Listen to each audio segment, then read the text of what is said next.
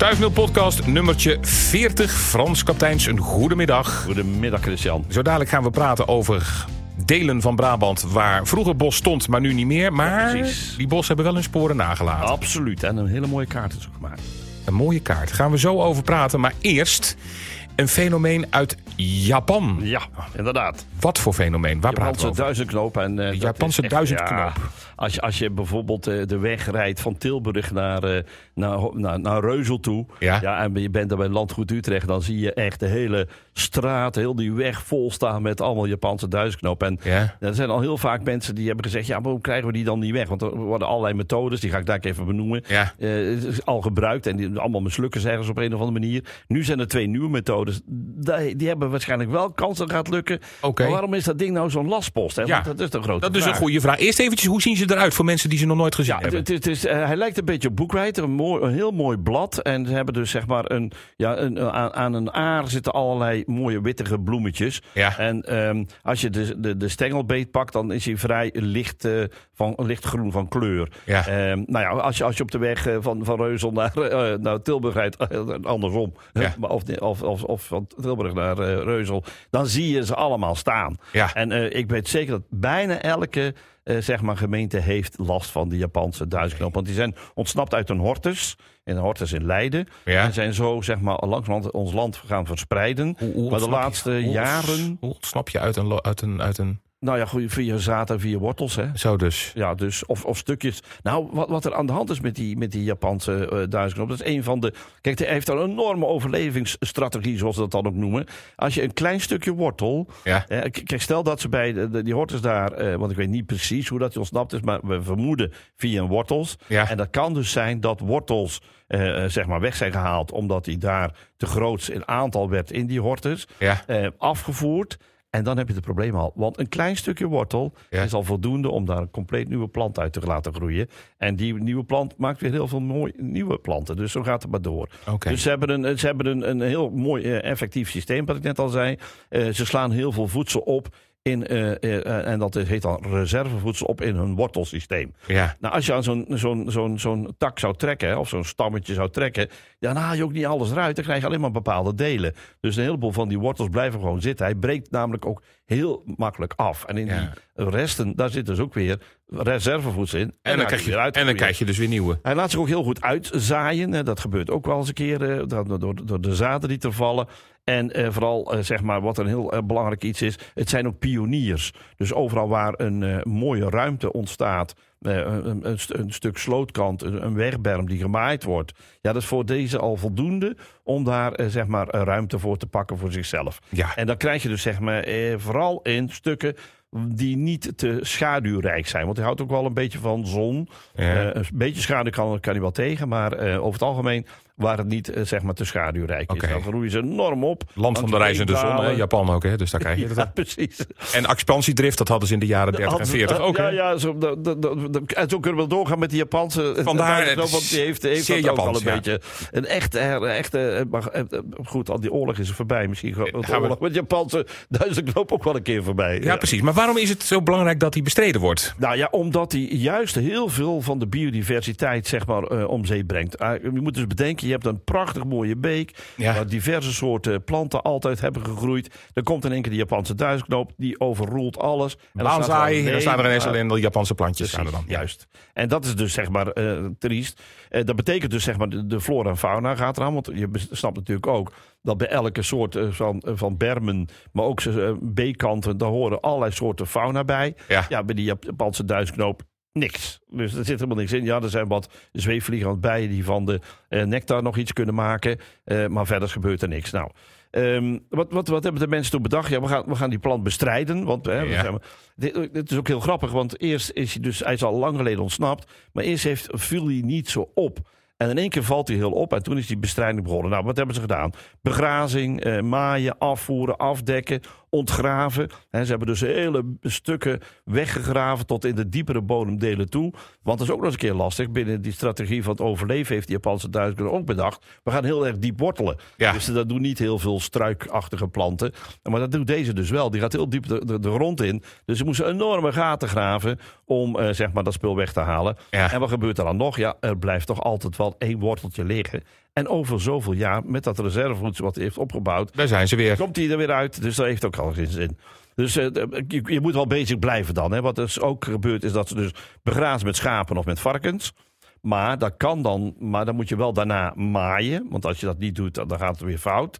En wat eigenlijk beter nog zou zijn, is weer de rest ontgraven. Want die wortels blijven erin zitten. Dus dat werkt dus ook al niet. Eh, ik heb een proef meegemaakt met Japanse bladflow. Nou, dat werkt perfect. Alleen die eh, eh, bladflow vreet alleen maar de bladeren op. Daarom heet je ook bladflow. Ja, En die wortels blijven er toch nog al zitten. Dus Ja. moet je die wortels toch nog weer afpakken. Dus dat werkte dus ook al niet. Ze hebben het met elektrisch geprobeerd. Dus een eh, enorme kracht van 3 tot 5000 eh, volt de grond in te sturen. Bovenop die wortels. En dan ja, bereken die wortels af. Maar ook weer dat gebeurt. Hè. De, de afbraak van de wortels is er dan wel. Maar vergeet je één stukje. Want je kunt niet alles misschien zien. ja. Ja, die groeit dan toch weer aan. Dus dat werkte ook al niet. Eh, ze hebben gebrand, ze hebben geknuppeld. Hè, dus echt alles omgeknuppeld. Maar ja, wat gebeurt er dan? Waar laat je de rest? En als je in hetzelfde gebied laat liggen, dan kruipen die wortels onderuit. En dan gaan ze ook En dan zijn ze weer. Chemische middelen, ja, die werken dan wel. Eh, maar dan heb je wel je bos ook om zeep. Want als je Roundup in je bos gooit, ja, dan ben je ook vanaf eh, van alle andere planten vanaf. Dus dat werkt dus ook weer niet. En dat zijn dus allemaal dingen waarvan ze zeggen, ja, dat moeten we niet doen. Nou, er is er één groep van mensen die is bezig met de ecosysteemaanpak. Ja. Ecosysteemaanpak betekent dat ze gaan eh, zorgen dat de concurrentie groter wordt. Dus eh, eh, pioniers, die, de, als die ergens komen, dan zijn ook andere pioniers. Als je die nou bevordert, hè, dus onze eigen inlandse planten, Ja. als je die meer gaat bevo- bevorderen en zorgt dat het slechter wordt voor die Japanse duisknoop, dan zie je kansen dat, men, eh, dat men daar de strijd mee gaat winnen. Er zijn al proeven mee gedaan en dat lukt dan ook. Dus we moeten gewoon zorgen dat we onze bodem weer gezond maken.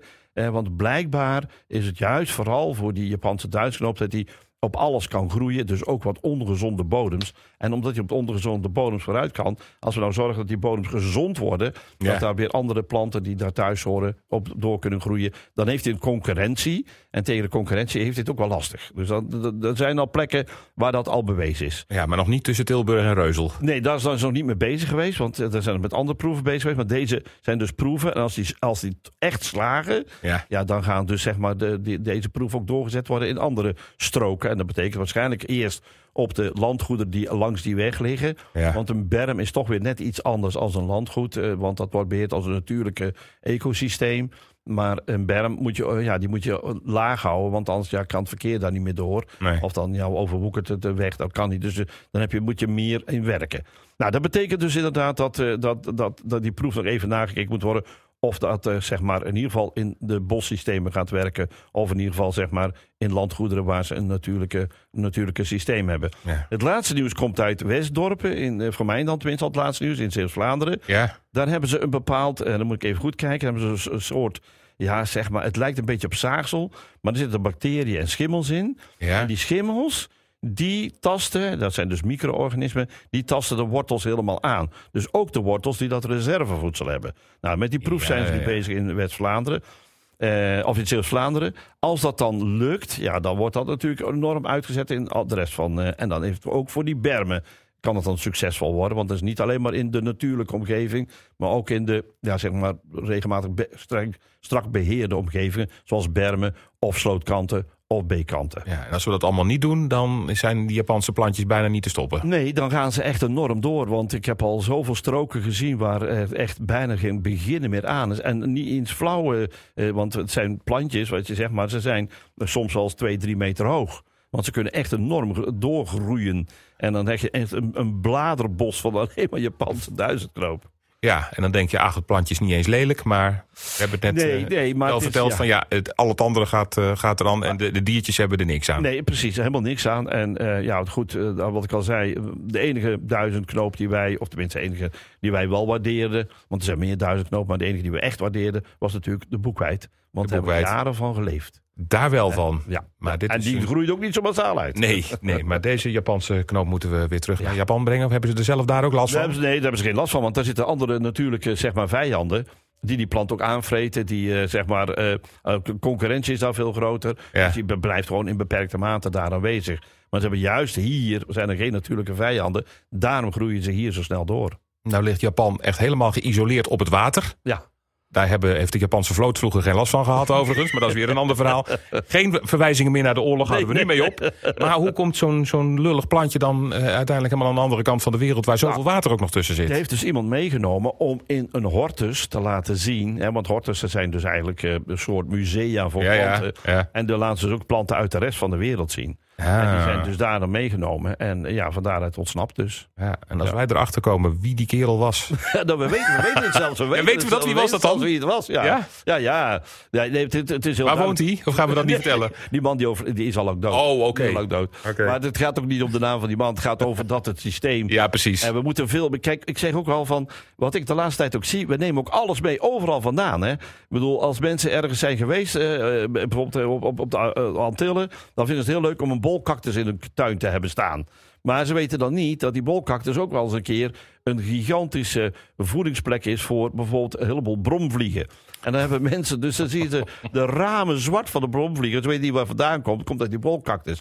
Maar wat nog erger is, de, de bamboescheutjes die in zo'n heel mooi schaaltje staan. Ja. Ja, daar zitten de eitjes in van de tijgermug. Ja, je kent allemaal de Oh tijgermug. jee, oh jee, oh jee. Nou, dat is Dus misschien nog... echt van alles mee uit heel de wereld. En denken dan van, nou, dat het hier goed gaat doen. Ja, dat doet het hier goed. Maar ook buiten je eigen mooie eigendommen. Dus eigenlijk in principe neem geen rare plantjes Nee, uit het buitenland mee. niet. Oh, m- Maak er mooie foto's van. Precies, maak Geniet mooie ervan in het buitenland, maar neem ze alsjeblieft mee, En laat je de weet... foto's aan Tante Truus zien en niet, en niet uh, dat Niet het, niet het origineel, want je weet niet wat voor ellende je soms letterlijk in huis Precies, haalt. Eh, dus, dus doe dat niet.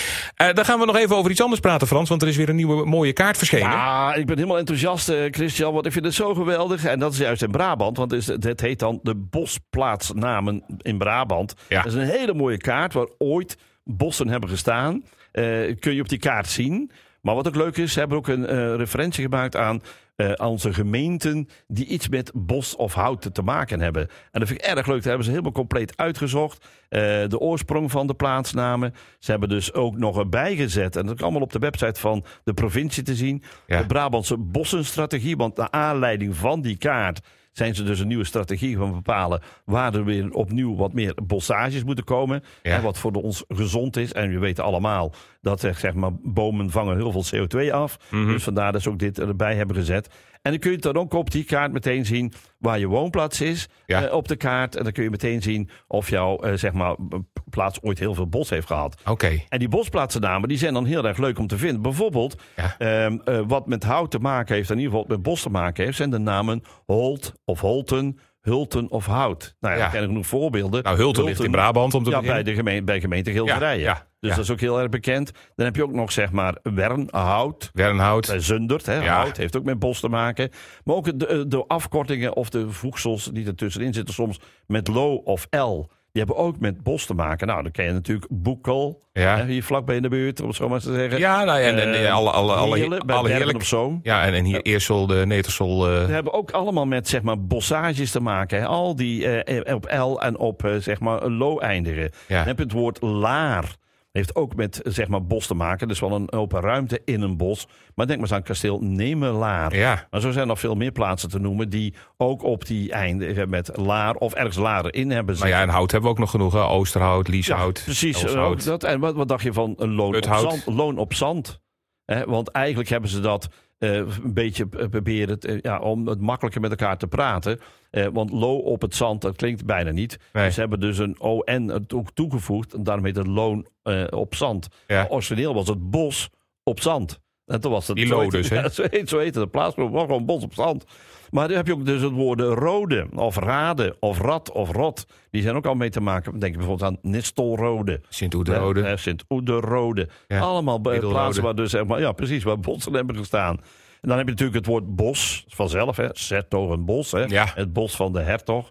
Maar zo heb je ook Bossenhoofd. Dat ho- ho- hoort er ook bij, want het is ook weer bos. Ja. Of je hebt een Nieuwenbos of Eikelenbos hè, bij uh, Balen-Nassau. Ja. Kortom, dat heeft er ook weer mee te maken. Wat, wat ook opvalt is bijvoorbeeld reis. Want het had te maken, reis betekende eigenlijk groeien. Ja. Had je dus zeg maar, als mensen iets hadden waar dus bij al heel veel eh, zeg maar, soorten bij elkaar stonden, noemden ze dat ook eh, wel reis. Bijvoorbeeld als men gagel teelde Ja. voor de bierbrouwerijen, dan heette dat uh, gagelrijsvelden.